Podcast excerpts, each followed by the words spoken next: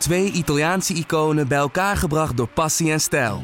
Peroni Nastro Azzurro 0.0 is de trotse nieuwe teampartner van Scuderia Ferrari. Doe mee met ons en de meest gepassioneerde fans op het circuit, de Tifosi. Samen volgen we het raceseizoen van 2024. Salute, Tifosi! Ja, jongens, laten we eens gewoon beginnen met de hamvraag. Want uh, zeker nadat we tijdens de vorige uitzending de barrière van 100.000 luisteraars uh, hebben doorbroken, krijgen we steeds meer lezerspost, uh, luisteraarspost moet ik zeggen. en ja, de hamvraag die iedereen zich stelt na deze Grand Prix is natuurlijk: had Verstappen kunnen winnen als Red Bull het tactisch toch anders had gedaan? Dan hadden ze eh, een soort glazen bol moeten hebben. Uh, Mercedes had van, van tevoren ook niet verwacht dat ze die, uh, die twee stoppen zouden maken. Die zaten eigenlijk ook gewoon op een één stop. En uh, ja, de mogelijkheid deed zich voor voor Hamilton om die tweede stop te maken. Omdat er geen bedreiging van achter was. En dat doe je vanuit de tweede positie natuurlijk makkelijker dan vanuit de eerste positie. Red Bull had in theorie hetzelfde kunnen doen. Maar ja, dan gingen ze ook een beetje... het dat is precies wat iedereen, iedereen zich afvraagt. Ik zie ja. hier een van onze trouwe luisteraars, Koert Swaap uit Leiden. Die zegt, ik had de hele middag Engels commentaar aanstaan van Sky Sports. En die vroegen zich af, dit Mercedes caught Red Bull napping. Dus uh, heeft uh, Mercedes geprofiteerd van het feit dat Red Bull zat te slapen toen Hamilton naar binnen ging voor zijn extra bandenwissel. Vertrouwden ze te veel op de voorsprong van Max, hadden ze niet proactief een extra stop uh, kunnen inlassen, Patrick? Nou, eigenlijk niet. Het is, het is achteraf natuurlijk makkelijk zeggen, maar Hamilton was zoveel sneller. En ze hadden ook, hè, Mercedes had de, het initiatief. Kijk, het, het probleem eigenlijk was nu, en daar komen we weer. Als Red Bull een goede tweede man uh, achter Hamilton had zitten. En gewoon een coureur die die, die, die pitstop window van Mercedes had kunnen voorkomen. ja, dan had Hamilton waarschijnlijk nooit gestopt. En had hij denk ik ook niet gewonnen. Nee, en dat, is gewoon een, het probleem. Dat is een heel mooi bruggetje naar, naar waar we het straks uitgebreider over gaan hebben. Welkom, je luistert naar de Bordradio.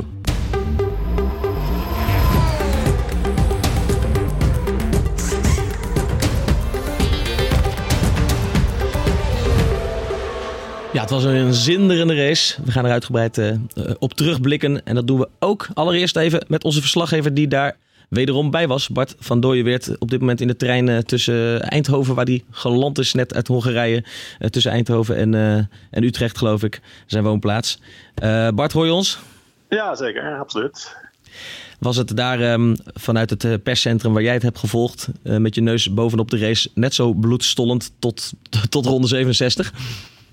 Ja, eigenlijk wel. Hè. Uh, het was eigenlijk uh, vanaf de eerste ronde tot uh, drie ronden voor het einde gewoon een gevecht tussen Verstappen en Hamilton. En ja, je zag wel dat Hamilton vrij makkelijk kon bijbenen en misschien iets sneller was. Maar ja, je had toch ook het idee dat Verstappen gewoon goed aan het verdedigen was. Dus ja, het was gewoon bijna niet te zeggen wie er ging winnen.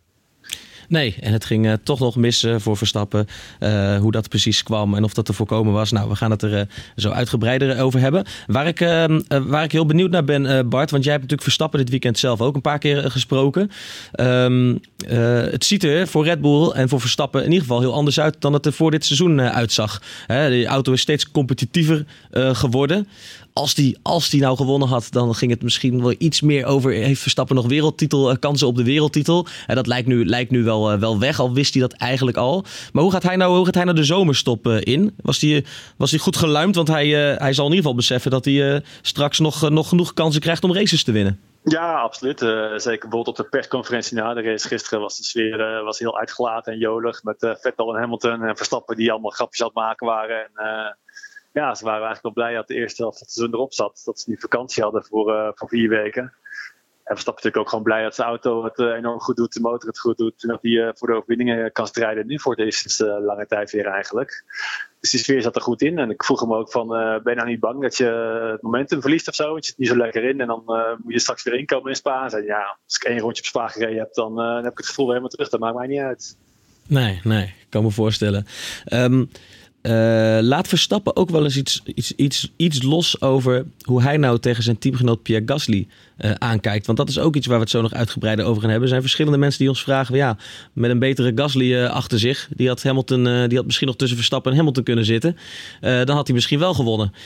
proef je daarbij Verstappen ehm, wel eens iets van? Dat hij, dat hij zelf ook denkt: van ja, die Gasly, wat moet ik daarmee? Nee, eigenlijk, eigenlijk wil ik daar niks over zeggen. En, ik denk ik kan er beter niks over zeggen, want alles wat ik zeg, dat, uh, is toch verkeerd. Want ja, mm. je Mhm. kunt ook moeilijk positief zijn over iemand die achter de McLaren Tuurlijk, hij gaat zijn teamgenoot niet afbranden, maar misschien tussen nee, de regels door. Nou, bijvoorbeeld in Oostenrijk, waar ik ook bij was, kreeg hij ook gevraagd van, uh, wat vind je nou van Gasly, hoe het gaat met hem? Hij zei, ja, zeg ik niks over. Want anders krijg je weer zo'n kutartikel. En dan, uh, ja, volgende onderwerp. Dus dan, ja. Hij weet, uh, hij weet hoe het werkt. Ja. Genoeg, natuurlijk, ja. Maar wat er gisteren op die persconferentie gebeurde, dat zag ik ook nog voorbij komen. Daar was je denk ik ook bij uh, na de race. Dat, dat zegt natuurlijk ook nogal wat hè, met, met Hamilton die daar een pijnlijke opmerking over, over Gasly maken. Wat, wat gebeurde daar nou precies? Klopt. Nou, er was een van de, ik denk, Spaanse journalisten die vroeg van, zou het misschien kunnen dat Alonso wordt terugkeerd in de Formule 1? Wat zou jullie daarvan vinden? En ja, toen zei, uh, zei Max Verstappen eerst dat moet je aan Toto Wolff vragen, teambaas van Mercedes. He's good enough for winning, so would be such a bad Maybe you can speak to Toto. Well, Valtteri's great, so Valtteri's been winning, so you're the one with the extra seat, I would say. All right, I didn't say sure, that. I'm not sure Japan. Dus daarmee doelde natuurlijk op Gasly, die, uh, die waarschijnlijk het team uh, op korte of iets langere termijn uh, zal moeten gaan verlaten als die prestaties zo blijven zoals ze nu zijn. Ja, ja heel pijnlijk natuurlijk voor Gasly. Hè, dat, want ik geloof dat iedereen er hartelijk om moest lachen daar. maar heel pijnlijk ja, voor Gasly dat Hamilton, de wereldkampioen, dat, dat gewoon zegt over een, over een coureur van een concurrerend team. Ja, iedereen ziet het natuurlijk. En ja, als iemand dat dan zegt, is het ja, wel een beetje lullig natuurlijk. Maar ja, het is ook ja, waar. Ja. Precies, iedereen ziet het. Maar het is best wel not done onder coureurs om dat dan hardop te zeggen misschien. Ja, ja, klopt. Dus ja, dat, dat merk je inderdaad niet zo vaak dat ze elkaar uh, een beetje afvallen of zo. Nu was het een beetje in een, grappige manier of zo. Maar ja, dus, ja. voor was het natuurlijk niet leuk om te horen, nee. nee. Bart, gaat Verstappen nu uh, nog even vakantie vieren? Of is het uh, volle bak doortrainen? En gaan we straks alleen maar weer Instagram filmpjes zien dat hij op zijn balkon in Monaco aan het fitness is? Ja, dat laatste denk ik. En hij zal natuurlijk al op simulatorwerk gaan uh, doen thuis en zo. Maar hij zal vast wel eventjes uh, een weekje of zo tussenuit gaan. Maar ik denk dat de focus wel weer snel uh, op de volgende, volgende races gaan. Want hij heeft wel weer zin in. Spa is natuurlijk een goede race voor hem. een beetje zijn thuis Grand Prix hè, daar als Limburger. Dus uh, daar heeft hij vast ook wel heel veel zin in. Uh, nu die ook daar misschien uh, zeker op het podium kan gaan eindigen. En misschien wel om de winst kan mee gaan doen. Ja, het was wel grappig Bart. Ik zag net al een filmpje op Instagram van Lando Norris. Een goede simrace vriendje van Verstappen. Dat ze alweer thuis aan het racen waren achter, het, achter de computer tot diep in de nacht. Dus wat dat betreft kunnen ze het race ja, ook nooit loslaten. Al, gisteren naar Monaco gevlogen met z'n allen in die privéjet. Ja. Daar hebben ze nu weer tijd voor, ja. Ja, nou, kortom, Verstappen is met niks anders bezig. Hij heeft een competitieve auto en en hij gaat gewoon op, elke, uh, op elk circuit uh, vol voor de zegen straks. Ja, misschien bijvoorbeeld Monza niet. Dat misschien meer een uh, hoge snelheidscircuit waar Ferrari dan wel hier wat beter als Red Bull zal zijn. En misschien Mercedes moet gaan uitdagen. Maar ja, de, bijna alle andere banen zie ik ze wel meedoen om de zegen. Ja. ja, in theorie kan het misschien wel overal. Ja. Dankjewel Bart. Goede reis nog naar huis. Denk even bij en, en voor je het weet begint het circus weer. Zeker. Wij spreken jou later. Niet vergeten uit te checken. Okay. Hoi, groetjes. Doei. Doei. Doei. Ja, wij gaan nu verder met uh, onze andere Formule 1-kenners uh, Joost Nederpelt en uh, Patrick Moeken. Ik had ze nog niet genoemd, maar u had ze al gehoord. Um, waar zullen we wat de race-analyse betreft beginnen? Ja, de hamvraag. Ik stelde net jullie zeggen, nee, Red Bull deed niet iets verkeerd. Mercedes is eigenlijk toch nog gewoon net wat sneller. Race pace van Hamilton was beter. Precies. Die hadden de momentum en, en dus het, het, het initiatief. hier was... Um, hier was niks aan te doen. Nee, want ook niet als Red Bull eerder die call de Mercedes had gemaakt. Nou ja, je moet niet vergeten dat ze Red Bull ook wel door hadden dat Hamilton natuurlijk sneller was. Zijn race pace was gewoon beter. Um, dus je, kijk, de, de, de kans dat Hamilton met zijn pitstop Verstappen nog bij zou halen, was omdat hij gewoon hoger tempo kon rijden, groter dan dat Verstappen had hij het omgekeerde gedaan, Hamilton nog bij kon halen. Dus uh, ja, dat moet je natuurlijk ook meerekenen. Dus dit was volgens mij ook gewoon de enige manier waarop Red Bull nog kon reageren, door niet te reageren eigenlijk. Maar ja, uiteindelijk als een auto echt sneller is, en de Mercedes was natuurlijk gewoon sneller, want Hamilton kon de hele tijd makkelijk bij hem blijven en uh, reed ook best wel dicht bij hem ook, terwijl dat eigenlijk uh, met de moderne Formule 1 natuurlijk best wel uh, slopend is voor je banden. Um, dus ja, ik denk, ik denk eigenlijk dat ze gewoon dat dit uh, dat Mercedes die, die kans kreeg. Ja, wat Patrick net ook al zei. Omdat die pit window, zoals ze dat noemen, zich opende achter Hamilton en Verstappen. Daar reed gewoon niemand. Ja, de Ferraris die reden ergens uh, een half rondje achter. En uh, Gasly idem dito. Ja. Dus ja. Speelde totaal geen rol de Ferraris. Nee, nee ja, in, in, die zin niet. Nee. Dus, ehm, dus ja, dan kan het. En dan, dan was dit de enige mogelijkheid die ze nog hadden. Kijk, op de baan inhalen in een situatie met gelijke banden. Nou, dat heeft Hamilton geprobeerd. Nou, dat kostte hem bijna de race. Want volgens mij had hij hem ook daar kwijt kunnen raken in bocht 4 aan Ja, de buitenkant. ja. Maar uh, ja, dan maar zo en dat werkt ook. Dus uh, hij had natuurlijk ook een beetje geluk, denk ik. Uh, in de zin van, hij had in eerste instantie moest hij best wel een paar mensen voorbij nog achterblijven. Dat kostte hem nog redelijk wat tijd. En toen kreeg je een hele zee aan vrije baan. Die Verstappen natuurlijk ook had, laten we dat wel zeggen. Mhm. en toen pompte hij die rondjes binnen. En Verstappen, die, zijn pace ging alleen maar omhoog. Die zat eerst in de hoge 1.19. Later kon hij de hoge 1.20's niet eens meer rijden. En dan hoor je hem over de boordradio, uh, my tires are completely gone. Nou, dat waren ze ook. Dus, ja. ja, het zijn genoeg dat Verstappen nog een extra pitstop maakte nadat hij al was ingehaald door Hamilton. Omdat hij zei, met deze banden haal ik het gewoon niet. Nee, en dat was natuurlijk ook een slimme zet. Ook doordat er daarachter niks gebeurde. Uh, om, die snelste ronde, om die snelste ronde nog op de, op de, nog een puntje. de klokken te zetten. Dus dat was toch nog weer een puntje. Ja, ja. Het, is, het, is, ook dat het een smalle baan is. Hè? De Hungaroring, waar je, je ligt eerst en dan ga je niet het risico nemen om uh, die trekpositie te verliezen. Dan moet je nog maar zien dat je, dat je Hamilton kan inhalen, wat gewoon lastig is op dat uh, circuit. Uh, plus dat je nog maar moet zien of je überhaupt het gat dicht kan rijden. En zeker gezien de snelheid die Mercedes had, was dat gewoon heel lastig geworden. Ja, goed. We nemen traditiegetrouw een wat diepere duik in de race van Verstappen. Ja, en om die race van Verstappen te analyseren, moeten we natuurlijk op de zaterdag beginnen. De kwalificatie, zijn eerste pole ooit. Um, maar dan moet jij misschien eerst even vertellen, Patrick, wat voor een berichtje je zaterdag van uh, Joost kreeg. Want ik, ik, ken Joost, ik ken Joost als iemand die mag ik het hele Formule 1 weekend mag ik hem niet storen. Hè? Ja, Zodra ik hem een appje stuur of wat dan ook, hij is alles live aan het volgen, tijdenmonitoren erbij. Uh, uh, op mijn berichtjes reageert hij niet, maar ik zie hem wel de hele druk twitteren. Zit er het hele weekend helemaal in. Behalve en Verstappen deze... pakt zijn eerste poll ooit. En, en, wat voor appje kreeg je, Patrick? Ja, het was wel gek. Want normaal wat je zegt, uh, ik zit dan op het liveblog. En dan heb ik altijd uh, tweets van Joost. Die hang ik er altijd in voor het extra duiding uh, naar de mensen toe. Extra gezeik ook. Extra gezeik, ja, ja, ja. Maar het, het, het, bleef al verrassend stil. Dus ik dacht, ja, het zal, het zal wel. Ja, ik, maar toen kreeg ik opeens na de race kreeg ik een, een sms'je. Geen eens een, een WhatsAppje. waarin stond, hij zegt, ja Patrick, is er nog wat gebeurd? Want ik had hier totaal geen bereik. ja. Was je op de Pride, Joost? Ik was gezellig even naar de Pride toe uh, biertje doen. En uh, ik dacht, nou, dan kan ik gewoon Q, Q3 kan ik dan wel op de, op de, de Ziggo-app kan ik die dan bekijken. Ja. Maar er waren zoveel mensen daar. Dat, dat, je had niet in de gaten dat Pride inmiddels groter was dan Koningin inderdaad. nou, inderdaad. Ja. Maar dan moet je je voorstellen, daar zitten wij in de redactie helemaal in extase en aan het juichen en gek aan het doen. En, ja. en dan de meest krankzinnige kwalificatie ooit. Hè? In de Formule Nederlands Formule 1 ooit in Nederland. ooit. En onze man Joost Nederpelt, hè, die overal bovenop zit. Die staat dan ergens op de boot. Staat nee, ik stond te zoeken naar. Oh, nou ja, langs stond gewoon langs de Te zoeken naar verbinding met telefoon. Ja, ja, echt fantastisch. Ja. Ik zag het helemaal voor me. Ja, nee, het was, het was vreselijk. Ik, ik stond nog met een natte vinger in de lucht aan mijn telefoon en dat soort dingen. En, om het bereik te krijgen. Maar, het hielp allemaal niet. Het hielp allemaal niet. Nee. Helaas, nou ja, je had niet heel veel gemist. Nee. maar het is, het is goed, soort Patrick, van... Patrick, ik ga met jou over de kwalificatie. Ja, goed. Ik heb helemaal teruggekeken. kwartier Joost er even bij. nee, ja. Nee, is flauw, maar je, ja. je, hebt, je hebt hem helemaal teruggekeken. Ja, zo ken ik je ook alweer. Ja, ja, zeker. Maar uh, nee, Patrick moet hier natuurlijk, uh, die, die zat er bovenop. Begin eens. Ja, nee, het was, uh, alles zat een keertje mee op de, op de zaterdag. derde training ging al, zat hier al goed bij. En ja, we hebben wel vaker gezien dat, we, dat je dan hoopt dat hij die pol gaat pakken. Maar dat dan Mercedes toch even die motor opschroeft of Ferrari. Nou, van Ferrari was al snel duidelijk dat die gewoon niet de auto hadden om dit weekend echt mee te doen voor de bovenste posities. Mercedes leek te kloppen. En ze hebben waarschijnlijk die motor ook wel weer opengedraaid. Alleen op dit circuit is dat gewoon van minder invloed dan uh, op andere circuits. Dus het viel gewoon allemaal net even samen. En ja, vaak heeft Verstappen er al een aantal keer met een paar... Uh, waarom is het op, sorry dat ik je onderbreek, waarom is het op dit circuit dan, uh, kan Mercedes daar minder van profiteren dan op andere circuits? Nou, omdat dit circuit niet zozeer een, een, een circuit is waar motorvermogen heel belangrijk is. Het is hier vooral belangrijk dat je gewoon veel downforce hebt, met een, gecreëerd door een sterk chassis. Uh, en daardoor is de motor minder van, uh, van invloed. Dus we kunnen die motor wel opschroeven. Maar in de winnen ze waarschijnlijk wel mm -hmm. uh, één of twee tienden mee. Maar niet vier of vijf tienden waar dat op andere circuits ja, dus, geldt. Ja, dus dat is het goede nieuws. Het slechte nieuws is dat wie denkt dat op basis van deze kwalificatie... dat Red Bull nu echt gelijkwaardig is aan Mercedes. Qua motor Dat is dan? niet waar. Nee. nee. Qua auto. Sommige circuits. er dichterbij. Ja, nou, Ja. in Monaco zag je het ook. Hè. Daar was Verstappen ook. eh, eh, werd hij derde, zat hij er vlak achter. Ja. En eh, ja, kijk, hij heeft, hij er al een paar keer achter gestaan. Vorig jaar in Mexico leek hij ook op weg naar zijn eerste pole. Toen kwam eh, Daniel Ricciardo daar nog eh, achter vandaan als een duveltje uit een doosje.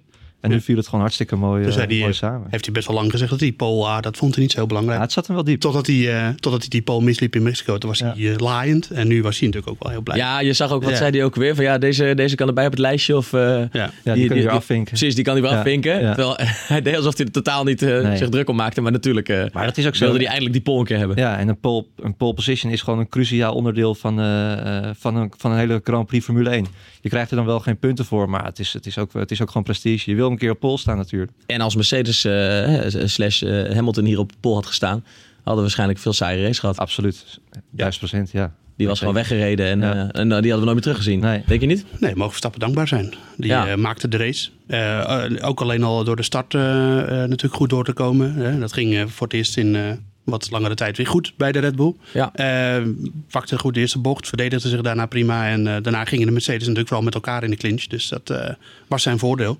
Alleen, ja, precies. dat- Om bij die start te beginnen. Hè? Ja. Zijn start was goed, eh, zeg je. Maar dat is best, ik wil niet zeggen opmerkelijk. Maar hij heeft dit seizoen nog niet zoveel goede starts gehad. Nee. Dit was misschien wel zijn beste van het seizoen. Ja, dat denk ik wel. Op het goede moment. Ja. Ja, nou ja, kijk, het kan natuurlijk ook zo zijn dat ze gewoon, daar, ga ik wel van uit, dat ze heel erg aan de slag zijn gegaan met die starts.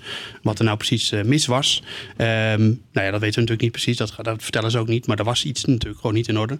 Eh, en dat hebben ze blijkbaar verholpen, want hij was, iedereen had een hele goede start vooraan, had ik het idee. Ook de Ja. Ferraris, ook de, bij de Mercedes. Alleen ja, Verstappen die eh, deed er niet voor onder. En dan eh, kan je de eerste, hij dook natuurlijk meteen vol Bottas. Hij bleef, hij- ja, hij bleef niet alleen in de start- eerste bocht maar ja. net voor. Ja, ja, en dat zegt ook wel weer iets, denk ik, eh, over het vermogen van Honda. Dat dat op zich best wel goed is als ze hem op de piekstand hebben. Want dat staan ze bij de start echt wel. Dat ze, dan, Mhm. ja, dan staat hij wel in een soort van, zoals we dat noemen, de party mode. Eh, vooral op, op weg naar die eerste bocht. Eh, of dan hebben ze de overtake-knop in, of ik weet niet in ieder geval. Maar dan eh, gaat hij wel echt op volle bak vermogen. Maar hij werd niet eh, voorbij gezeild door... eh, Ah, het en toch scheelde het niet veel. Zeker nee, aan het nee, einde van het rechte stuk. En dat is wel een van de langste rechte stukken richting de eerste bocht. 600 meter. ja. eh, zaten die Mercedes er wel weer vlak naast. En Ja. gelukkig Verstappen, die heeft dan ook alweer talent om de juiste kant van de bocht eh, te kiezen. En ja, daardoor kon hij gewoon dat, die aanval goed, eh, goed afslaan. Ja, ja, want hij hield het verdomd lang vol. Dat was niet alleen in dat, in dat eh, tweede deel zo. Maar dat was, eh, het spektakel zat er vooral in het gedeelte waarin eh, Hamilton natuurlijk een paar keer eh, Verstappen aanviel. Ja. En er niet voorbij kwam. Ja, je zag het eigenlijk al daarvoor. Hè? Dat die voorsprong van Verstappen die bleef schommelen rond de twee seconden. Nou, dat geeft eigenlijk al aan dat een van de twee die, die, dat, dat gat bewust creëert. Twee seconden dan zit je net buiten de vuile lucht van je, van je voorganger. Eh, Verstappen heeft net eh, precies genoeg marge om niet, niet echt de hete adem van Hamilton te, te voelen. En Hamilton vroeg ook over de boordradio van jongens, als ik, eh, als ik moet pushen, laat het vooral weten. Wat aangaf dat hij echt nog wel marge over had. En ja, daarna werden we natuurlijk getrakteerd op echt een fantastisch eh, gevecht. Wat, eh, wat er aan zat te komen. Tot twee keer toe. Ja, want dat is, ehm, eh, ik bedoel, uiteindelijk eh, ehm, heeft, Hamilton, heeft het heel lang geduurd voordat Hamilton Verstappen eh, echt inhaalde. Ja, Ik denk dat menig coureur zich daar al had laten verschalken. Verstappen verdedigde uitstekend natuurlijk. Ja, positionering van de auto is echt heel belangrijk in zo'n eh, in zo'n eh, situatie. Nou, we hadden natuurlijk dat duel dat, dat Hamilton op een gegeven moment in de eerste bocht naast hem remde. Toen zat Verstappen aan de, aan de goede kant. Kon hij ook ehm, eh, eerder op het gas wel. Eh, toen zaten ze allebei naast elkaar, allebei DRS. Nou, vervolgens kwamen ze bij de tweede bocht aan. Eh, daar drukte Verstappen Hamilton helemaal naar buiten. Eh, Hamilton die stuurde nou daarom wijd in en kwam er eh, strak uit, om het zo maar te zeggen. En Verstappen deed echt het tegenovergestelde, die situatie. Eh, toen ging Hamilton eerder op het gas. En toen zat hij op dat lange rechtstuk naar boven. Zat hij natuurlijk in de slipstream, kwam Ja. ernaast. Ja, en dan eh, moet je hele grote ballen hebben, wil je hem daar eh, insturen. Hamilton deed het wel, maar ja, hij zat daar op het vuil en eh, veel ondersturen. En toen ging hij er vanaf. Ehm, maar ja, Verstappen zat, had steeds zijn auto in die hele situatie op, op de goede plek op de baan. Eh, terwijl Hamilton eigenlijk wel overduidelijk sneller was natuurlijk met, met banden. Zes ronden eerder verser waren ze. Ehm, ik denk dat je daar ook echt wel zag dat Mercedes gewoon meer pace had dan, dan Red Bull op de Hungaroring. Maar ja, dat was eh, een situatie waarin Verstappen zich uitstekend verdedigde. In ieder geval ook wel weer aantonen, ook aan Hamilton, dat eh, onder normale gelijke omstandigheden inhalen van Verstappen, dat het geen makkie is. nee. Dat weet Hamilton nu ook weer. En zelfs met zo'n veel snellere auto. Hè? Want eh, hij kwam dus zes seconden achter Verstappen kwam die de, de baan op. Ja. En ik denk binnen twee rondes had hij dat gat gedicht. Ja. Echt, eh, ik weet nog, wij zaten te kijken. kon niet eens in, in het live-blog bijtikken hoeveel die erachter eh Nee, eh, En stond. toch kwam er niet langs. En Nee, even teruggaan naar de situatie. Dat, was natuurlijk, dat begon eh, met dat Ricciardo ook op het rechtstuk reed. En dat was de mazzel van Verstappen. Want daar, daardoor had hij ook DRS. Want had hij dat Ja. niet gehad, dan had Hamilton er daar al voorbij Klopt, geweest. ja, ja, precies. Daar kon hij eh, ook wat extra snelheid pakken. Ja, Ja. dus eh, nou ja, dat was de. En toen daarna eh, zakte Hamilton weer, weer terug. En toen begon hij natuurlijk heel erg te piepen over de boordradio. What more can I do, man? Just keep the pressure. Once on. I can't keep the pressure on. Maar ik wilde ook nog even terug eerder naar de, de race. Dat de, de, pitstop van Verstappen was natuurlijk vrij, vrij vroeg, 25e ronde. Ja. Ehm, eh, Hamilton ging pas in de 31e ronde naar binnen. Verstappen die zei natuurlijk een paar keer heel duidelijk van eh I'm losing grip. Eh, die wilde eigenlijk al eerder stoppen. Maar hij was van de mensen die in de top 10 gefinished zijn, in ieder geval op, de, op de mediums, op Bottas na, natuurlijk. Maar dat kwam door zijn vleugel, de, degene die als eerste stopte. En dat is natuurlijk ook hetgene wat hem aan het eind van de race nekte. Want hij had daar een hele lange stint op de, op de harde band.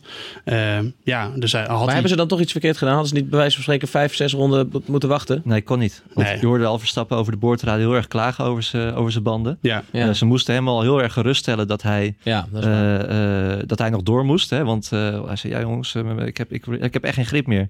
Ze zei, ja, we hebben het genoteerd. Hè? Hou je rustig, eh, rij gewoon door. Ja. Want, en, en ze hadden Ja. gelijk, want anders dan was, was hij inderdaad... eh, Ja, precies. Uiteindelijk Hamilton maakte die extra stop hè? In, in ronde 49 was dat. Dat je ineens dacht, hey, nog een pitstop van Hamilton. En toen zag je van, oh, ze gaan voor die eh, undercut. Ja, Maar, Maar ehm, dat hadden ze dus daarvoor ook al. dat hadden ze al een keer gedaan. Dus denk ik, is dat dat ze niet... kunnen doen, eh, bedoel ik. Want eh, Verstappen ging vroeg naar binnen Ja. eh, met weinig grip. En dat deed hij ook. Hij had nog wel langer door kunnen rijden. Maar dan had Hamilton misschien net één rondje die undercut kunnen doen. Ja, precies. En dan was je dat ook wilde al... Red Bull voor zijn. Ja, dus eigenlijk was Red Bull de hele tijd aan het vechten met een auto achter hun die gewoon sneller was. Weet je. En dan, ja, op een gegeven moment vroeg of laat gaat dat een keer mis. Er is op een gegeven moment geen oplossing voor. En deze, deze truc of deze tactiek hield heel lang stand. Maar het was gewoon net niet Nee, genoeg. nee. Dacht Hamilton trouwens ook, hè? Want ehm eh, daar hebben we ook de boordradio van, eh, geloof ik, eh, Julien. Wat zei Hamilton? I don't know if that was the right call, man. Copy that, Lewis. We think you've got the pace. Now, how far is he ahead now? So Verstappen 19 seconds ahead. If he was not gaining, we should have pitted as well. I can confirm we would have come out behind Hamilton. Want Hamilton, jongens, die vreesde dus dat ze, eh, ehm, dat ze geen juist besluit hadden genomen. Eh, die dacht, ik ga Verstappen niet meer, niet meer bijhalen. Ja, en terecht. Want eh, wij krijgen al via de mail altijd een heel mooie statistiekjes hè, met pitstopstra- pitstopstrategieën van Pirelli eh, toegestuurd. En daar stonden dit keer eh, eh, een twee-stopstrategie was, was eigenlijk dat, dat ja, dat, dat is tussen, die stond er wel tussen één keertje, maar dat, dat was volgens mij 15 seconden langzamer dan een één-stopstrategie. En vaak zitten ze bij Pirelli, zijn die, die grafiekjes zijn hartstikke nauwkeurig. Dus ja, niemand had verwacht dat, dat een twee-stopstrategie eh, zou werken in eerste instantie. Dus ik denk echt ook dat ze die, dat ze die tactiek, en dat heeft Hamilton achteraf ook eh, gezegd met de, de tactieken die langskwamen, eh een, een twee-stop hebben ze het helemaal niet over gehad. Dat is wel grappig, hè? Want het, het wordt natuurlijk ook her en der, ik zag het ook bij Britse media, wel als een briljante zet van Mercedes neergezet. Maar het was eigenlijk best wel een wilde gok, zeg jij nu. Nou, nou ja, ze hebben, het, ze hebben het wel uit zitten rekenen. En het heeft natuurlijk ook mee te maken. Ze hadden natuurlijk gehoopt dat Hamilton na die eerste pitstop eh, Verstappen al voorbij was. Alleen dat lukte niet. En Hamilton heeft waarschijnlijk toen met dat gevecht eh, heel veel van zijn banden gevraagd. En misschien ook wel van zijn andere systemen in zijn auto. Want hij kwam er daarna niet, eh, niet meer dichterbij. Nou, toen moesten ze wat gaan verzinnen. En ze hadden ook de pace om dit te doen. Want wat Joost zegt, ze hadden zo'n snellere auto dan, dan de Red Bull. Ja, dat deze mogelijkheid eh, werd gecreëerd. En ik vind het toch ook wel mooi voor, eh, voor Mercedes. Want die hebben na Duitsland zoveel ellende over zich heen gehad. Hè, met die mislukte pitstop. en eh, dat ze nu toch met zo'n tactische meesterzet, meesterzet even terug... Ja, eh, wat dat betreft is, de, is de, de wereld weer omgekeerd. Want het was echt natuurlijk een dramatisch weekend een week eerder. Ja, voor ja Mercedes. zeker. Die eh, James Fowles mocht mee naar het podium. Dat was de grote technische man. En dat was de, mon- de monteur die dan in zijn in zijn niet eh, brand, brandbestendige kleding vorige week bij die pitstop stond mee te helpen. Hij is toch de, de strateeg? Vals? Ja, de strate- hij, heeft die, hij heeft die strategie eh, bedacht inderdaad. Ja. Oké, dus Ja. die lieten ze ook eh, duidelijk meedelen. Die- en die mocht mee naar het podium, ja. Ja. ja. Ja, want eh, om even aan te geven hoe snel eh, Hamilton was dan ten opzichte van Verstappen. Eh, de- op de harde band heeft Hamilton de snelste tijd in de race. Eh, die was eh, ruim twee tiende sneller dan Verstappen. Eh, op de gele band had hij de snelste tijd. Nou, ja, op de rode dan niet, maar dat kwam natuurlijk omdat Verstappen heel laat een pitstop maakte en naar die Precies. rode band ging. En daar heeft Hamilton natuurlijk nooit op gereden. Ehm, dus ja, de Mercedes was gewoon sneller. En dat, eh ja, dat, daar moet Verstappen zich ook... Daarom denk Dat is dat, geen schande. Nee, ik denk ook dat dat wel eh, meehielp in hoe Verstappen die race uiteindelijk na afloop, eh, hoe hij erop terugblikte. Hij was niet heel boos of teleurgesteld. Nee, hij was realistisch. ook wel gewoon van, ja. En om terug te komen Verstappen zelf, hij heeft weer geen, geen wiel verkeerd gezet. Nee. Nee, zeker niet. Nee, zeker als je zo'n duel aangaat met Hamilton en hij had zijn auto steeds op de goede positie op de baan, ja, dan doe je het gewoon hartstikke goed. Ik denk ook op ieder ander circuit, nou ja, Monaco dan misschien niet, maar was Hamilton er al veel eerder voorbij gegaan. Ja. Het is dat dit Hongarije is, waar het gewoon eh, een smalle baan, weinig inhaalmogelijkheden. Daardoor werd het nog spannend. Anders was Hamilton al, eh, al sneller aan de horizon verdwenen. Ja. Goed, we gaan naar de, de driver of the day. Ja, we hebben het uitgebreid over eh, Verstappen gehad, maar eh, er zijn nog eh, genoeg namen die niet voorbij zijn gekomen. Want er zijn best een paar kandidaten, denk ik, voor de driver of the day. Patrick, noem, noem, eens- iemand. Wie is jouw driver of the day? Ehm, nou, Hamilton sowieso dan. Die heeft gewoon weer een fantastische race gereden. Ik denk dat hij ook wel een beetje geprikkeld was door die uitspraken van eh, Rosberg. Bart ook een mooi stuk over geschreven bij ons op de site. Voordat Rosberg had gezegd dat Verstappen gewoon nu een betere coureur is dan, uh, ja, dan Hamilton. Als ze in dezelfde auto zouden zitten, dan zou... Uh... Precies, ja. En nou, dat heeft hem misschien wel geprikkeld. Dus nou, Hamilton bovenal. Dat weet ik wel zeker. Maar misschien ook wel buiten het zicht van de camera Sebastian Vettel. Die gisteren een ijzersterke race gereden heeft. In de slotfase nog voorbij Leclerc ging. En daardoor naar het podium mocht. En misschien heeft hij daar ook wel weer een klein signaal mee naar zijn team uh, afgegeven. Zeker naar Leclerc, die nog hevig uh, verdedigde. Ja, hij was echt vrolijk na afloop. Ja, terecht. Ja, ja, Die heeft uh, ook, ja, terecht, maar tegelijkertijd denk ik, ja jongens, leuk die derde plaats. Maar het gat naar ja, Mercedes en Red Bull was echt groot. Een minuut. Ja, dat... Of en Red Bull en Verstappen moet ik zeggen. Ja, ja, Over Gasly komen we zo ja. een minuut. Echt bizar. Ja, ja, dat is ongekend. Maar goed, eigenlijk stiekem zeg jij Vettel was misschien wel mijn driver of the day. Nou ja, zeker. Uh, heeft, heeft gewoon, je ziet dat uh, die Ferrari was gewoon op, op, op, op, die kon niet harder dan dit. Dat zie je aan Leclerc, die gewoon uh, mm -hmm. net zo snel is als, als Vettel. Maar toch in de slotfase van de race wel op iets, iets versere banden. Hij heeft trouwens een hele lange stint ook gereden. 31 rondes op de, op de zachte band. Heeft hij toch goed gespaard. En ja, beloond met een podiumplaats. Toch ja, wel, ja, dat wel. Joost? Ja, ja voor mij Carlos Sainz. Ik vind dat hij echt uh, heel stabiel bezig is bij, bij McLaren. En uh, weer een mooie vijfde plaats. Um, ik denk dat... Uh, Uitstekende vijfde plaats. Dat hij, dat hij Mercedes of McLaren op dit moment echt bij op sleeptouw neemt. Kijk, Norris is niet slecht. Norris is gewoon goed. En Norris staat er in de kwalificatie ook best wel vaak voor. Maar de racecraft, zoals dat heet, van, van Sainz is gewoon beter. En die houdt gewoon, heeft altijd gewoon een goed tempo. Maakt weinig fouten. En dan zien we die uitglijder in Duitsland even door de vingers. Er waren meer die dat overkwam. dus nee, ik ben, ik ben wel echt positief verrast over hoe Sainz uh, de eerste seizoenshelft uh, is doorgekomen bij McLaren. Ze namen hem natuurlijk over en ik, ik dacht, nou, ik weet niet hoe dat, hoe dat gaat lopen. Is hij een coureur die dat team echt bij de hand kan nemen? Maar dat, dat doet hij dan toch. Daar lijkt het wel op. Ja, zeker. Ja. Dus nee, we hebben ook nog een mooi boordradiootje hoe die liep te zingen na aflopen over de, tegen het team. Dus je ziet ook gewoon, daaruit merk je gewoon dat het binnen dat team, dat hij gewoon gerespecteerd wordt en dat het echt wel goed zit. Dus, Thank you guys. Thank you for this amazing first half of the season. Oh. We're on a run. Come on. Tom, do you know what that was? That was a smooth operator. smooth operation. Carlos, check the radio. We seem to have picked up some dodgy music channel again. Na, na, na, na, na, na, na, na, na. That's better. Nee, ik, uh, ik vond Sainz uh, buiten de traditionele top 6 coureurs natuurlijk. Uh, en uh, daar zat hij gewoon bij nu. Daar ja. vond ik hem echt heel erg Hij goed. sprong er wel uit. Ja, zeker. Ook Rijkonen vond ik een hele goede race rijden trouwens. Die volgens mij echt wel het maximale uit die Sauber Alfa Romeo. Uh, die Alfa Romeo had. Blijft erin nou, zitten. Ja, het team heeft zo lang Sauber. en uh, dus de, Kimi is gewoon, is gewoon echt goed bezig dit seizoen. Kijk, hij heeft natuurlijk geen echte bedreiging van zijn teamgenoot. Nee, mijn grote held uh, Antonio Giovinazzi. Die uh, echt een dramatische race had trouwens. Maar de, daarover later meer.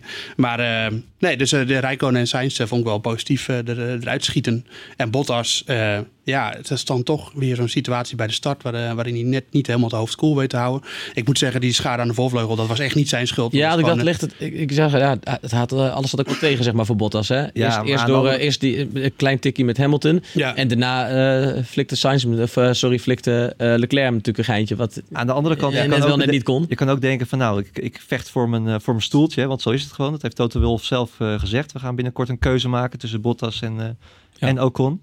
Dan, dan heb je Hamilton. Je staat voor Hamilton op de grid. Je weet dat Hamilton gaat aanvallen. Nou ja, laat je auto maar een keer staan. Hè? Dat, laat Hamilton maar een keertje uitwijken. En, ja. Hamilton weet ook als hij naar, naast Bottas rijdt, hij gaat wel van zijn gas af. Ja. Dat is al zo, als je dat, ja... Ja, het, het, het, het, is, is gewoon niet.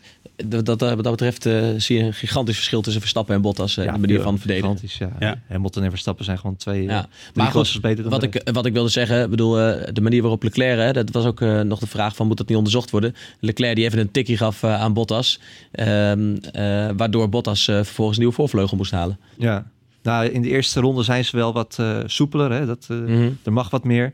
En ik vond dit ook typisch zo'n zo'n ongeval dat in de eerste ronde kan, uh, kan gebeuren. Waarin het een beetje chaotisch is. En uh, waar, die, waar, waar er Iets agressief misschien van Leclerc. Het was niet per se nodig, toch? Nee, hij had er zelf ook misschien wel last van kunnen Je hebt het idee dat Leclerc daar dacht van... Goh, ik ga eens even Bottas de volvleugel eraf rijden. Het was gewoon een inschattingsfout. Hij ja. dacht volgens mij gewoon dat hij er al voorbij was. En dat hij dacht, ik blok even de binnenkant van de bocht. Ja. Maar het zijn lange auto's tegenwoordig. Dus, uh, hij was er nog niet voorbij. Nee, bij vrachtwagens heb je vaak als je er voorbij bent... dat ze dan zijn van je kan uh, terug. Maar dat, uh, dat deed Bottas niet. maar daarna inderdaad, kijk, een andere coureur had zich misschien weer terug in de race gevochten. En Bottas is daar geen moment in geslaagd. Nee, nee, nee. Echt, uh, ik, ik dacht, ze zeiden ook tegen hem, nou, we denken dat P6 nog wel haalbaar is.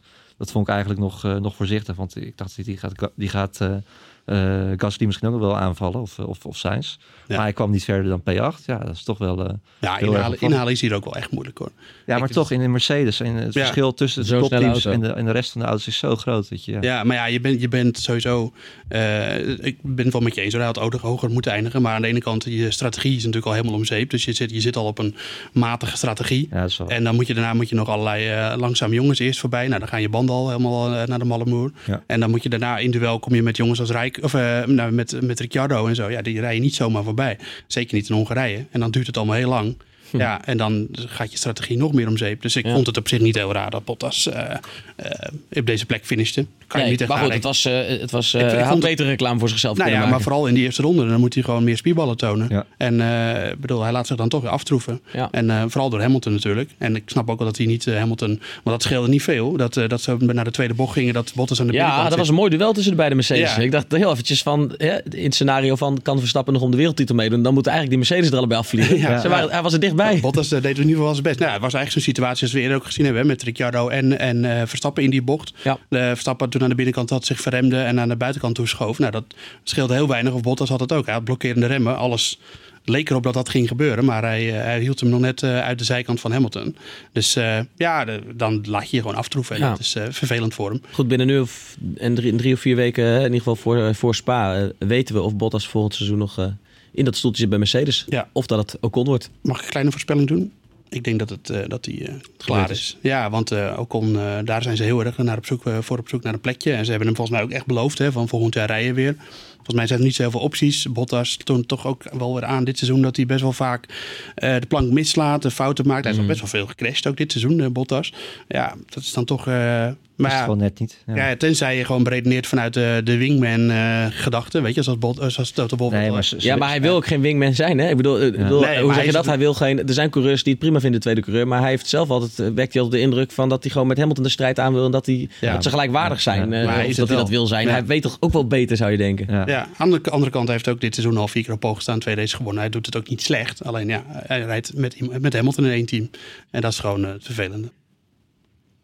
Eens. Je- Kijk, Mercedes moet ook eh, doorkijken naar de, naar de toekomst. Hè. Het, eh, als Hamilton ooit gaat stoppen of ooit, eh, wat best zou kunnen binnen, binnen drie jaar of over drie jaar, wil je toch ook iemand hebben die in, de, in het tijdperk van, van Verstappen met Max de strijd aan kan gaan. Ja, dat is niet Bottas. Dat is niet Bottas, nee. En dat is wel een Ocon die in de Formule 3 eh, eh, al Verstappen verslagen heeft in het kampioenschap. Dus, Kan het nog iemand anders zijn dan Ocon? Eh, voor, voor, vol- voor volgend jaar? Ja? Nee. Nou, Russell eh, is doet hij het heeft, best wel goed, maar hij, die, heeft, hij heeft uitgesloten, hè, eh, Ja. Toto Wolf. Dat het echt tussen... eh, ik dacht zelf inderdaad ook nog Russell. Ja. Maar eh, ja, dat is misschien toch, toch te vroeg. Na één Formule 1 seizoen. Ja, Ocon denk ik dat toch de meest reële kans op dat stoeltje gaat krijgen. Helder. Laten we even eh, de blik ehm, eh, naar achteren richten op die hele eerste seizoen zelf. We hebben het nu over eh, de driver of the day eh, eh, gehad. Maar ehm, wie is de driver of the first half of the season? eh, Verstappen, vind ik. Ja. Eh, echt niet eh, de beste auto aan het begin van het seizoen. eh, Red Bull ook eh, minder nog dan de Ferrari in veel situaties. Ehm, ik heb het idee dat eh, Hamilton niet alles uit de Mercedes heeft gehaald. Wat gek klinkt voor een coureur die natuurlijk zoveel races heeft gewonnen. Maar ook best wel een paar mindere races had. Hij had er nog meer uit kunnen halen. Ja, Ja. eh, en, eh, en dus Hamilton heeft een heel goed seizoen. Eh, laten we dat wel zeggen. Maar Verstappen heb ik echt op geen enkele fout kunnen betrappen. Gewoon eh, volle bak eh, knijpt hij alles uit die Red Bull wat erin zit. Kijk, dat is ook eh, natuurlijk het vertekende Zouden ze dit in eh, Groot-Brittannië ook zeggen? Wij, wij als Nederlanders hier. Ja, ik denk, dat, ja, ik denk dat ze daar wel echt wel zien dat Verstappen echt een heel goed seizoen bezig is. Dus ja, ja, maar dat geloof ik. Daar, daar zal denk ik niemand, dat zal niemand, denk niemand tegen spreken. Maar als je daar de vraag stelt, wie is, wie is de beste coureur? Ja, maar je moet niet vergeten dat Hamilton in de Mercedes zit. Mhm. En het is nog niet eens heel makkelijk om natuurlijk, als je de beste auto hebt, om dat daar ook alles uit te halen. Maar ehm, ja, dat Verstappen gewoon derde staat in de kampioenschap. Heel kort achter Bottas. Uh, en ook al twee races gewonnen heeft, terwijl hij niet de beste auto heeft. Dat, is, dat zegt gewoon wel voldoende, denk ik. En hij is weer dichter bij Bottas gekropen hè, nu in de Ja. WK-stand. Ja, daarom. Dus ik, ik denk dat, dat, eh, dat Verstappen sowieso tweede gaat worden. En ik denk dat hij daarmee met een auto die gewoon vooral aan het begin van het seizoen echt ruim onderdeed voor de Mercedes. Dat hij daar, En de Ferrari. En de Ferrari ook. Ja. Dat hij daar gewoon heel goed mee Het is doet. heel pijnlijk voor Ferrari natuurlijk ook als ze dat Verstappen zo'n marge op, eh, op hun heeft. Ja. het, is, het is gigantisch. Het is ook, eh, ik weet nog eh, bij de testdagen, hè, dat eh, Ferrari eh, ook, komt ook door, eh, door Joost en mij. Dat, eh, we bestempelden echt als, als favoriet. Ja, maar ja, je, je doet het met de informatie die je hebt. En daar was het gewoon. Ferrari eh, leek gewoon uit te blinken. Ja, nee, klopt. Ja. Ja. juist. Ja. Maar, eh, nee, het is, maar maar dat, ze, dat, ze, dat ze geen enkele race zouden winnen voor de, voor de zomerstop. Ja, bizar. Ja, Ja, ze hadden er wel natuurlijk gewoon zeker drie moeten winnen eigenlijk. Ja, want Bahrein, eh, Canada en ook Oostenrijk. Dus eh, ja. Noem nog eens een, ehm, uit het middenveld op de achterhoede, noem nog eens een, eh, een eh, coureur die eh, na Verstappen dan het meest in positieve zin is opgevallen in de eerste seizoen zelf. Nou, eh, Alex Albon eigenlijk. eh, eh, Formule, de, Formule 2 coureur kwam eh, over naar Toro Rosso. Als derde achter Russell en Norris. Toch, toch, toch, toch degene waarvan je dan het minste, minste verwacht. Ja, ik wou zeggen, hij werd er niet per se als een van de grootste talenten Nee. gezien of neergezet. Nee, en gezien zijn palmares was dat ook, eh, ja, was dat ook logisch. Maar eh, nee, doet het echt eh, fantastisch. Is zeker niet minder dan, eh eh, dan Fiat. Ehm, laat zich altijd zien. Gisteren ook weer gewoon een puntje, een puntje gepakt. Terwijl Fiat het, het een stuk lastiger had. Ja. Nee, en weinig foutjes gemaakt. Dus ja, Albon in ieder geval de meest verrassende coureur wat, wat mij betreft. En sowieso trouwens ook eh, eh, de, de, de rookies. eh, Russell doet het ook heel goed in de, in de Williams. Dat, wat een beetje gek, gek klinkt. Maar ja, één foutje gemaakt vorige week in, in Hockenheim. Een duur foutje, want daardoor werd hij ingehaald door Kubica. De enige wedstrijd waarin hij niet voor Kubica is geëindigd. En dat levert Williams nog een, een puntje op ook. Maar ja, wel structureel, structureel sneller dan Kubica. En Williams zit er nu ook weer dichterbij in, in Hongarije. In het middenveld ook geëindigd. Dus, ja, eh, ja. precies. Er, er is toch weer een sprankje hoop voor Williams. Dat is ook, eh hadden we een ja. paar races geleden ook niet verdacht. Nee, nee, nee, nee, dat gaat hard opeens. Ja, nou, ik moet wel denken, denk dat het wel ook eh, te maken heeft met dat de, deze baan Russell heel goed lag. Dat zei hij zelf ook, dat hij hier altijd wel goed presteert. Eh, en maar ze zitten geen secondes meer achter. Nee, dat klopt. Ze, ze, ze naderen gewoon eh, de hazen en eh, tenminste in de race pace dan. Dus ja, nee, we, we gaan het zien. Maar ik denk dat niet dat ze nog hele bakken punten gaan scoren hoor. Maar dus, het, het, je komt uit zo'n diep dal, dan is het ook makkelijker om grote stappen te zetten, denk ik.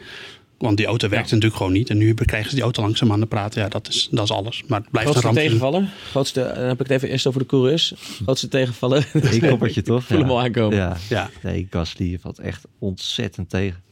Het is... eh, Kijk, de, de, de verschillen tussen Red Bull en, en de andere teams, die, die zijn zo groot. En Verstappen kan het dan wel heel, heel goed. En dat is ook zo. Daar, omdat Verstappen het zo goed doet, lijkt Gasly nog slechter misschien dan die is. Maar het, ja, het, het is echt, het is echt eh, schrijnend. Ja, als je gewoon op een ronde wordt gezet weer door je, door je teamgenoot. En, ehm, hoe was het? 18e erachter in de kwalificatie? Ja, 19e bij. 19e, ja, nee, dat is gewoon te veel. Ja, maar dan, dan pak ik er toch even. We komen straks bij de fanzone bij eh, eh, meerdere vragen van onze luisteraars. Maar dan pak ik er toch eventje eentje bij die, die in zaken Gasly zeer relevant is. Christian Burgraaf, ook al zo'n vriend van de show. Ja. Eh, die ehm, eh, stelt de vraag: had Verstappen met sterkere concurrentie en een sterkere teammaat, Ricciardo tussen haakjes bijvoorbeeld, niet gewoon gewonnen? Want die had dan wellicht achter, achter Verstappen gereden en dan had Hamilton nooit zomaar die extra stop kunnen maken. Ja. Oftewel, Verstappen heeft dus ook echt geen fluit op dat vlak aan Gasly. Nee, ja, nee, was dat dat wel zo geweest? strategisch heb dan je heeft Hamilton er eh, nog een concurrent bij. Strategisch heb je gewoon minder kaart in handen. Ja. En de tegenstander... eh, nou kijk, het is natuurlijk niet alleen dat. Het is natuurlijk ook zo dat, dat Mercedes die pitstop kon maken omdat Bottas er niet was.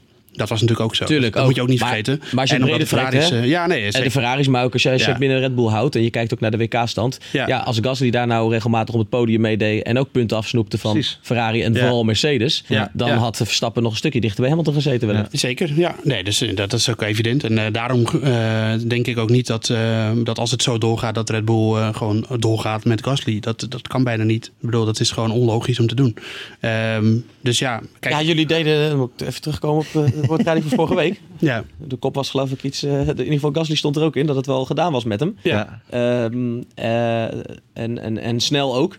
Voor, Ja. voor, eh, voor Hongarije leek niet per se reëel, maar jullie zeiden allebei, eh, voor Spa is die er zeker uit. Ja, denk ik toch. Maar Helmoet Marco notabene, je denkt het nog steeds. Nou. Helmoet Marco heeft gezegd, en ik weet hoe dat werkt in, in de sport, maar in Formule 1 werkt het misschien niet helemaal zoals het voetbal. Hè, dat ze zeggen, nee, de trainer eh, krijgt alle steun en vertrouwen. En een dag later wordt hij ontslagen. Ehm, maar, maar goed, Marco heeft gezegd, hij, ehm, hij zit er in ieder geval tot het einde van het seizoen. Ja, Je gelooft het niet? Dat heeft Marco vorige week gezegd. Ja. Eh, Horner die heeft gisteren gezegd op het circuit... eh, we hebben de intentie om het seizoen met hem af te maken. Nou, dat klinkt al heel, eh, heel anders. Mhm. Maar als je gaat bedenken, kijk, de- ze zou, de, de reden om het niet, is te- om het niet te doen... zou kunnen zijn omdat een nieuwe coureur, als dat Fiat of, of Albon... Of als die, die, die moet gewoon even wennen aan die Ja, auto. die dat, misschien nog niet dat gaat even, even duren. Maar kijk, Verstappen gaat geen wereldkampioen meer worden dit jaar. Dit, of- in, principe, in principe niet. Nee. Volgend jaar, eh, de, de regels veranderen nauwelijks. De auto's van dit seizoen eh, zijn grotendeels ook de auto's van volgend seizoen. Eh, dus de kans is echt wel aannemelijk als Red Bull zo doorgaat... dat Verstappen volgend jaar om de titel kan, eh, kan vechten. Maar dan heb je wel iemand nodig die, wat je zegt, af en toe die punten af kan snoepen. De wingman. Van, eh, ja, en, en, en strategisch handig is. Ja. Dus, dus wat? En als je, als je Red Bull bent, je hebt al vier rijders onder contract met eh, Fiat en Albon.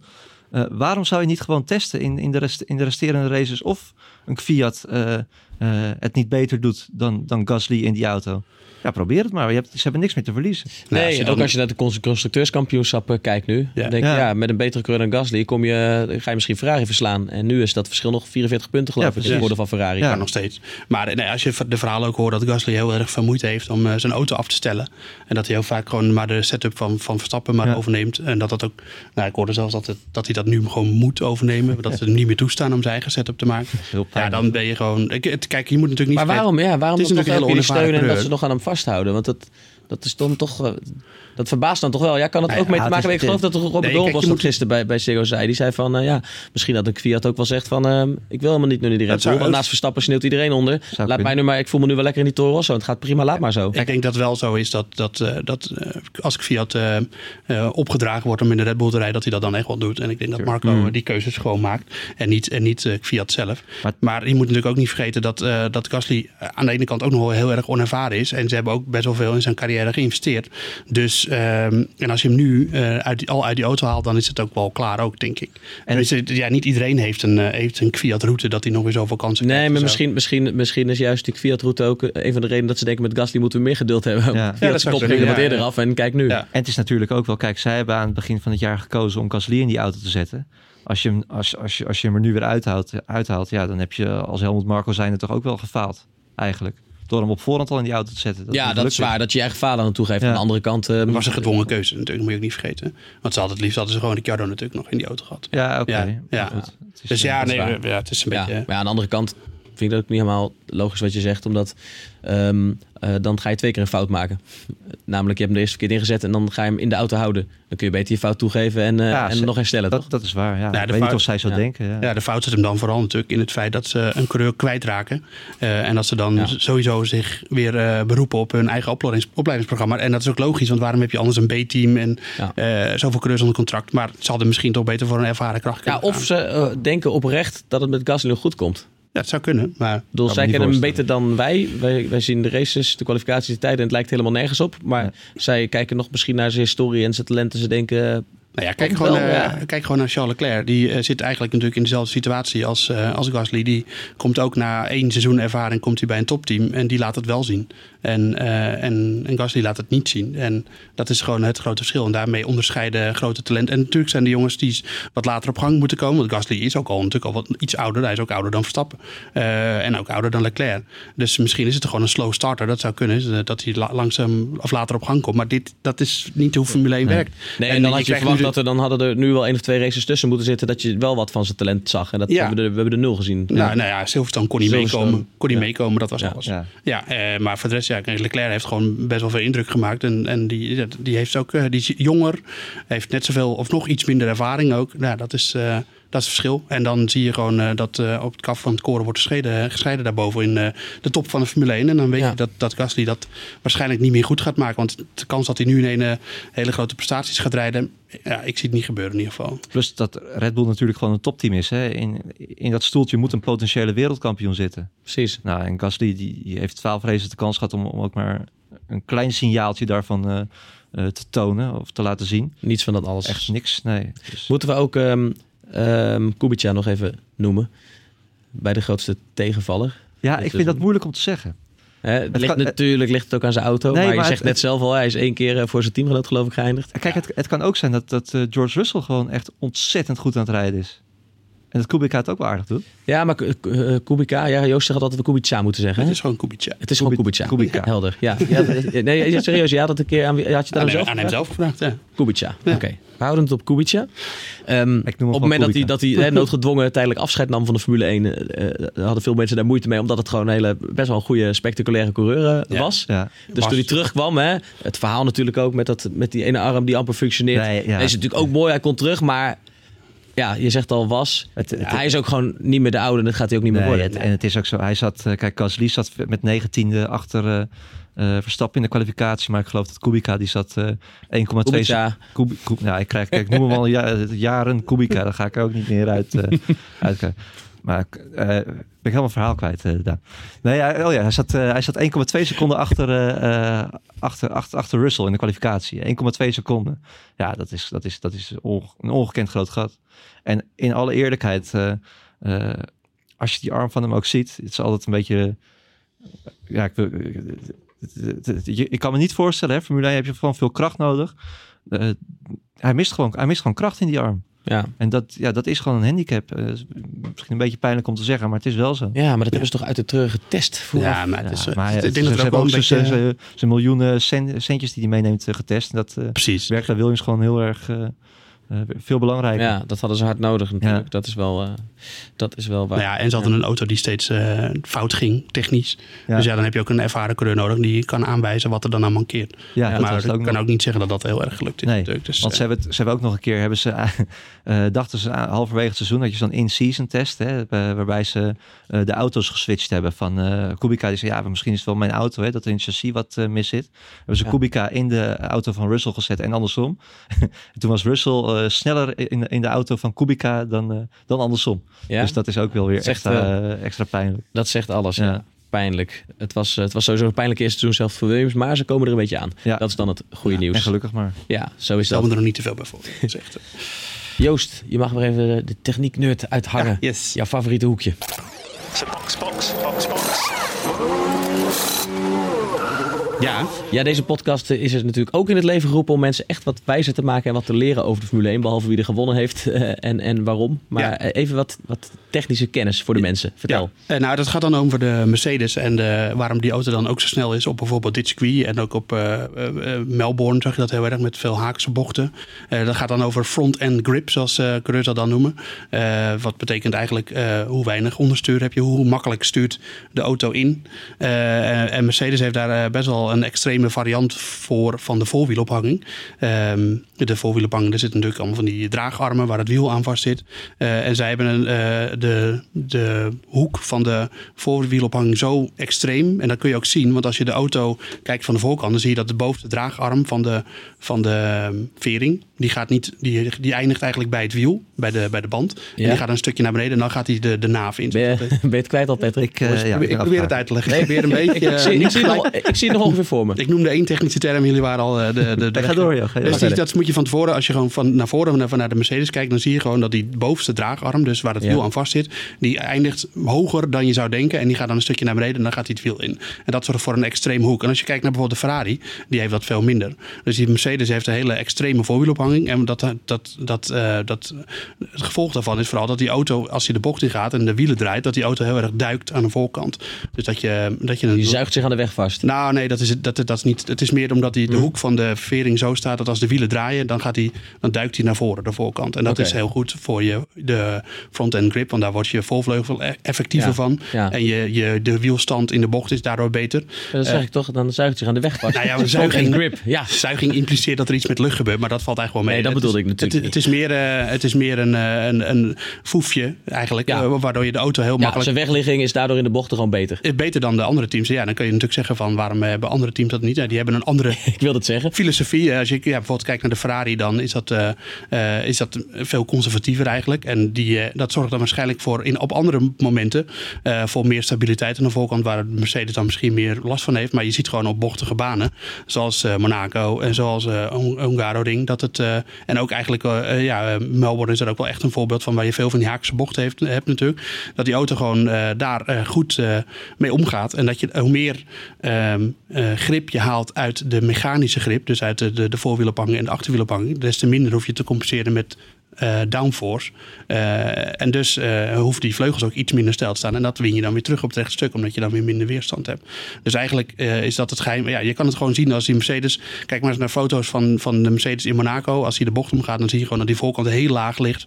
Er zijn wel regels voor, alleen die zijn eigenlijk nog een beetje. Eh, die staan nog een beetje in het beginstadium van hoeveel een auto mag duiken als hij eh, de, de, de wielen eh, draaien. Dit is dan zo'n regel waar waarschijnlijk dan Ferrari weer over gaat klagen dat de regels moeten worden aangepast. Want Mercedes profiteert er Nou, nee, van. ik denk dat Mercedes Ferrari heel goed weet dat, ze- dat Mercedes hierin voorop loopt. En, en denk Red Bull ook. Want je zag gisteren zag je ook een van de technische mensen van Red Bull voor op de grid. Die stond heel lang naar de voorwielophanging van de Mercedes te kijken. Dus dat is wel echt een van de ehm, geheimen van de Mercedes. Waar, eh, waar zij in voorop lopen ten opzichte van de rest. En dat komt vooral eh, tot uiting in dit, op dit soort eh, circuits. Waar je gewoon heel veel bochten hebt en veel haakse bochten. En ik kon het denk ik het beste zien. de onboard van Verstappen in de laatste bocht. dat Hamilton achter hem reed. Dat Hamilton best wel een veel strakkere lijn kon rijden door die bocht dan, dan Verstappen. Verstappen nam een wat wijdere lijn. Eh, en, en Hamilton die kon toch wel een beetje ja, afsnijden eigenlijk. Omdat hij gewoon aan de voorkant zoveel grip heeft. Verstappen, als je Verstappen ook vraagt van wat is nou het geheim van die Mercedes. Dan noemt hij dat als grootste eh, pluspunt. Dus eh, Dat de, de, voorviering, de voorwielophang is, is, eh, is heel belangrijk bij Mercedes. En daar halen ze heel veel uit. Helder verhaal, Joost. Dank je. Ehm, we gaan naar de fanzone.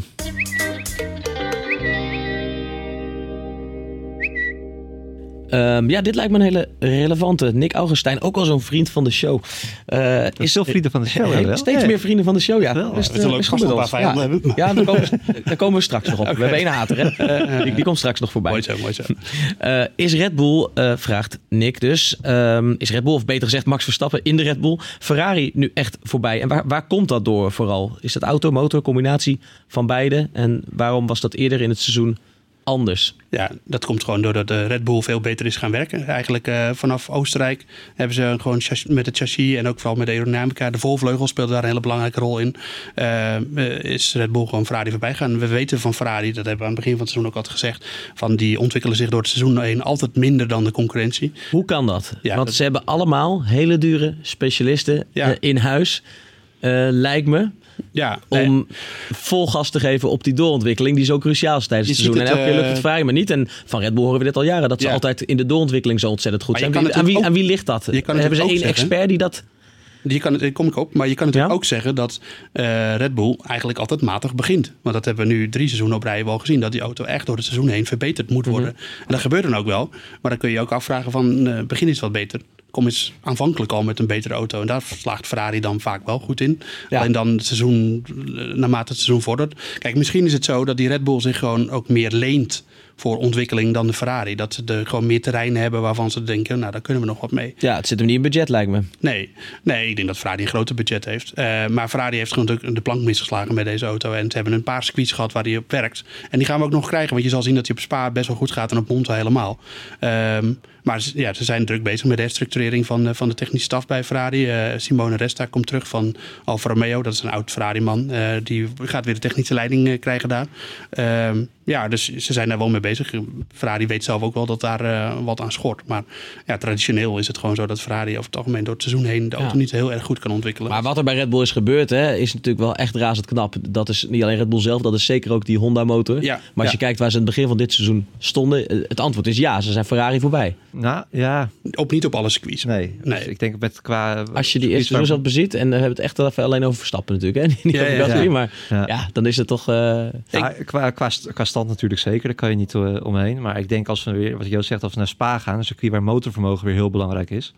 En dat is iets wat ze bij Ferrari dit jaar wel heel goed voor elkaar ja, maar ook qua motorvermogen gaat het met Red Bull eh, steeds beter. Ja, maar Jawel. ze zijn nog niet op, op het punt van... eh, ze Van hebben- Mercedes niet, maar van Ferrari ook niet? Nee, Ferrari is sterker dan... Die hebben, een sterke, die hebben de sterkste motor van allemaal. Maar je zag ook in die, die tijden... Waar gaan we dat zien? Spa? Spa, Monza vooral. Monza? Ik, ik, ik zeg niet dat ze Monza gaan winnen, Ferrari. Want dat waar ik net over, pra- over sprak, die front en grip, eh, hoe beter jij de bocht komt. Je hebt natuurlijk wel een paar chicanes op Monza. En je verliest natuurlijk meer tijd in een langzame bocht dan dat je eh, verliest in een snelle bocht. En als Me- Mercedes heel snel door die chicanes heen kan, veel beter dan Ferrari, dan kunnen ze daar even goed winnen. Hebben we vorig jaar ook gezien in, eh in Monza. Ehm, maar eh, nee, ja, de Red Bull eh, verliest evengoed nog wel wat op de rechte stukken. Dat zag je natuurlijk ook in die tijdenvergelijking op de Hungaroring. Dat Verstappen vooral tijd won in de bochten. Eh, en de Mercedes die won het weer op het rechte stuk. Dat zegt ook gewoon hoe, hoe, hoeveel downforce eh, Red Bull gebruikte, denk ik. En hoe Mercedes... eh, eh, want je zag ook volgens mij wel op de rechte stukken... dat, dat Hamilton ook wel een beetje naar Verstappen toe reed. Dus die hebben gewoon, ja, wat ik net zei, minder downforce nodig... om hetzelfde, dezelfde grip te bereiken. En dat eh, levert uiteindelijk eh, ook meer snelheid op op de rechte stukken. Dus eh, ja, dat is, eh, ik, ik denk dat ze op best wel veel circuits eh Ferrari wel voor zullen zitten. Wel voor Ferrari zullen zitten, Red Bull, maar niet op alle. Singapore wordt er mooier, denk ik. En, ehm, maar ja, Monza is meer een Ferrari-baan. Ja, er komen nog wel best wel wat races aan. Ferrari heeft ook nog tijd om, om misschien toch nog qua doorontwikkeling een stapje te zetten. Ja.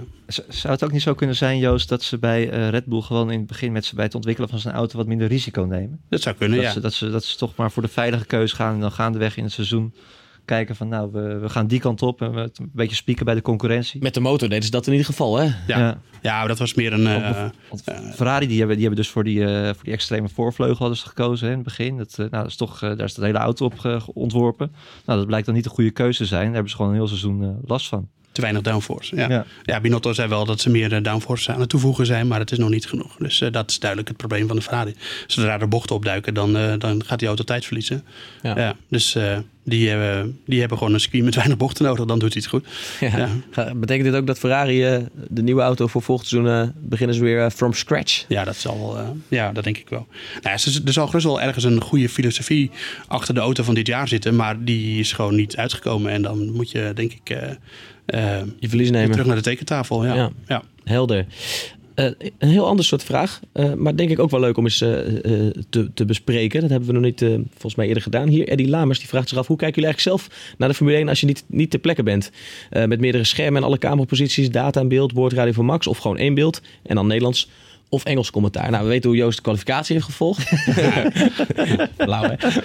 Ehm, nee, maar, maar eh, vertel, ik, ik weet het, maar vertel, mensen willen het weten. Ja, nee. eh, ja, sowieso op de tv gewoon via Ziggo, commentaar van eh, Olaf. Dan heb ik nog een eh, scherm ernaast met, eh, van F1 TV met de onboard van Max, waar ik mee zit, zit te luisteren.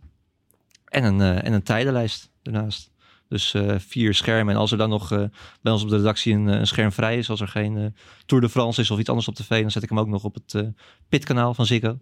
Om eh, alles te zien, de reuring in de pits te volgen. Dat, eh, hoe meer schermen, hoe beter. Ja, Joost idem dito, hè? Tenminste, die, vooral Ja. die, die tijdenmonitor is ook heel is, belangrijk eh, voor jou. essentieel. Ja, en ik heb het eh, ook, ook eh, eh, meestal wel eh, Formule 1 TV erbij. Eh, Met, eh, inderdaad het onboardkanaal van Verstappen. Maar dat is, Ja. wel, dat is echt wel top, want eh, krijg je, geen, je krijgt niet betaald van F1 TV. Het, eh, het werkt ook niet altijd, moet ik erbij zeggen. Nee. Maar je hoort daar alle, alle boordradio's wat ze tegen eh, Verstappen roepen. Ja, je krijgt echt dingen mee die, eh, die je op tv niet Ja, meekrijgt. en zeker in zo'n gevecht met Hamilton. Ook de, de tone of voice. Hè, van, daar hoor je al snel dat hij het moeilijk heeft. En ja, echt, je krijgt een hele andere racebeleving ook daardoor.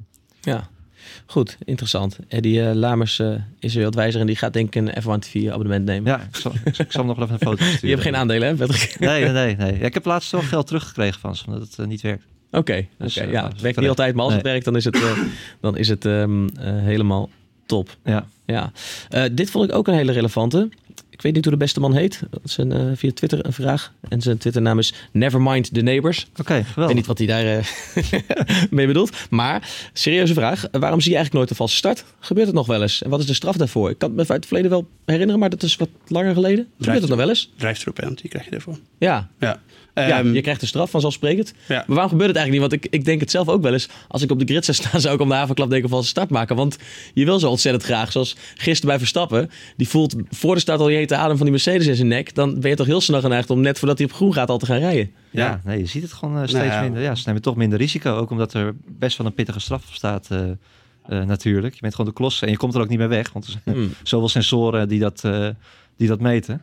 Maar inderdaad, ja, je ziet het wel steeds. Je ziet het Wat, was het laatste valse start die jullie kunnen herinneren? Bottas had vorig jaar in Oostenrijk bijna een valse start. Ja, dat dacht Vettel toen, toch? Ja, ja die, zo, die reageerde zo snel. Bij- wat is nou bijna Nee, een valse start? Nou ja, die reageerde- Iedereen rijdt toch gelijk weg zodra die op groen is? Nee, nee, dat is dus niet zo. Nee, je, hebt, je kan altijd de reactie, reactietijden zien. Ja, oké. En Bottas die had zo'n snelle reactietijd dat het gewoon deels geluk was, denk ik. Dat die, eh, dat En toen riep Vettel over de boordradio van was dat geen valse start? Ja, Vettel zag naast en die dacht, hey, die gaat zo snel weg. Dat, eh, alleen hij, eh, dat was iets van, eh, Mooi. nou, ja, echt 1 tiende of zo. Dat was zo'n snelle reactie.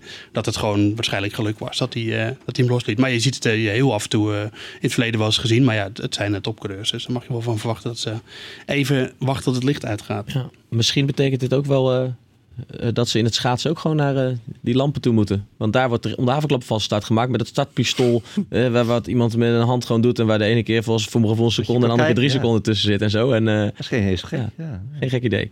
Goed. Ehm, tot zover de fanzone. We gaan het natuurlijk nog even hebben over het GP-spel, jongens. Want ehm, hoe staan we ervoor? Hoe staan we ervoor? Ik ben de top 5 ingeslopen. Jij bent de top 5 geslopen. Ja, ik, ik zag het, ja. Keurig. Ik sta nog eh, heel mooi. Derde, nu.nl slash gp-spel.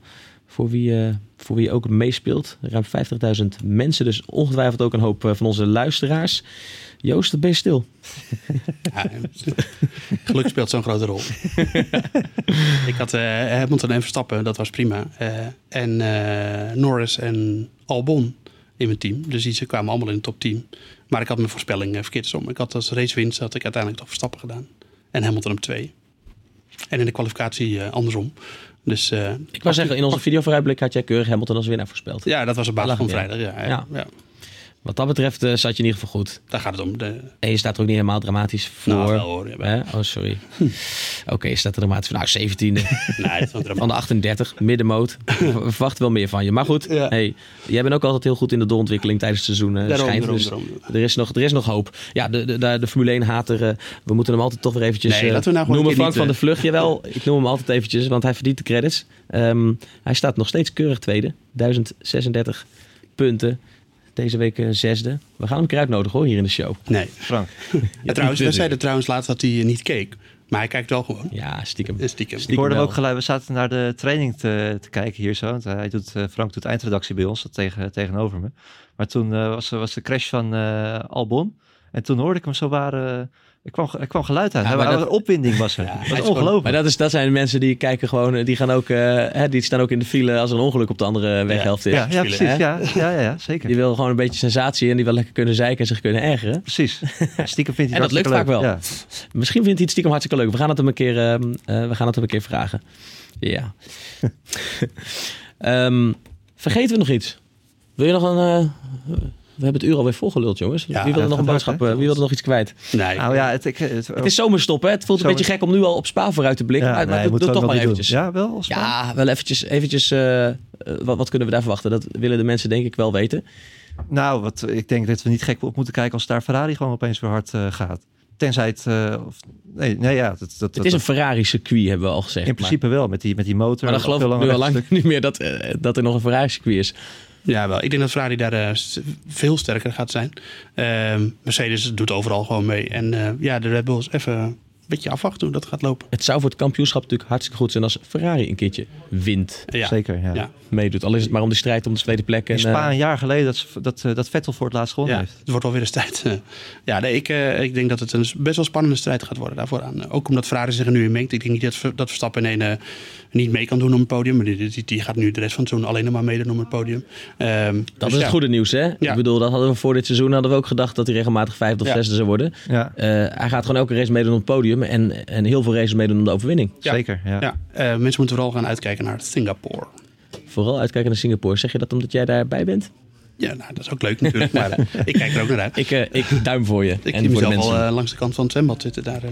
Zo is dat. Maar laten we, laten we beginnen met, met Spa. Daar zijn we natuurlijk ook, ook weer bij. Ook jij, Joost? Ja. Spa. En ehm, met de podcast zijn we ook na de Grand Prix van Spa terug. Maar jongens, tussendoor, we plannen er nog wel eentje in, hè, komende Zeker, maand. ja. Er gaat Ja. genoeg eh, gebeuren. Ook op de rijdersmarkt. ik eigenlijk nog wel op te Ook wachten. op de rijdersmarkt. Ja. Misschien nemen we wel een aparte podcast op. eh, als u daar behoefte aan eh, heeft, laat het ons weten. Twitter, hashtag de Boordradio of via de mail. Ehm, en ehm, natuurlijk zijn we snel weer terug. Bedankt voor nu. Dag.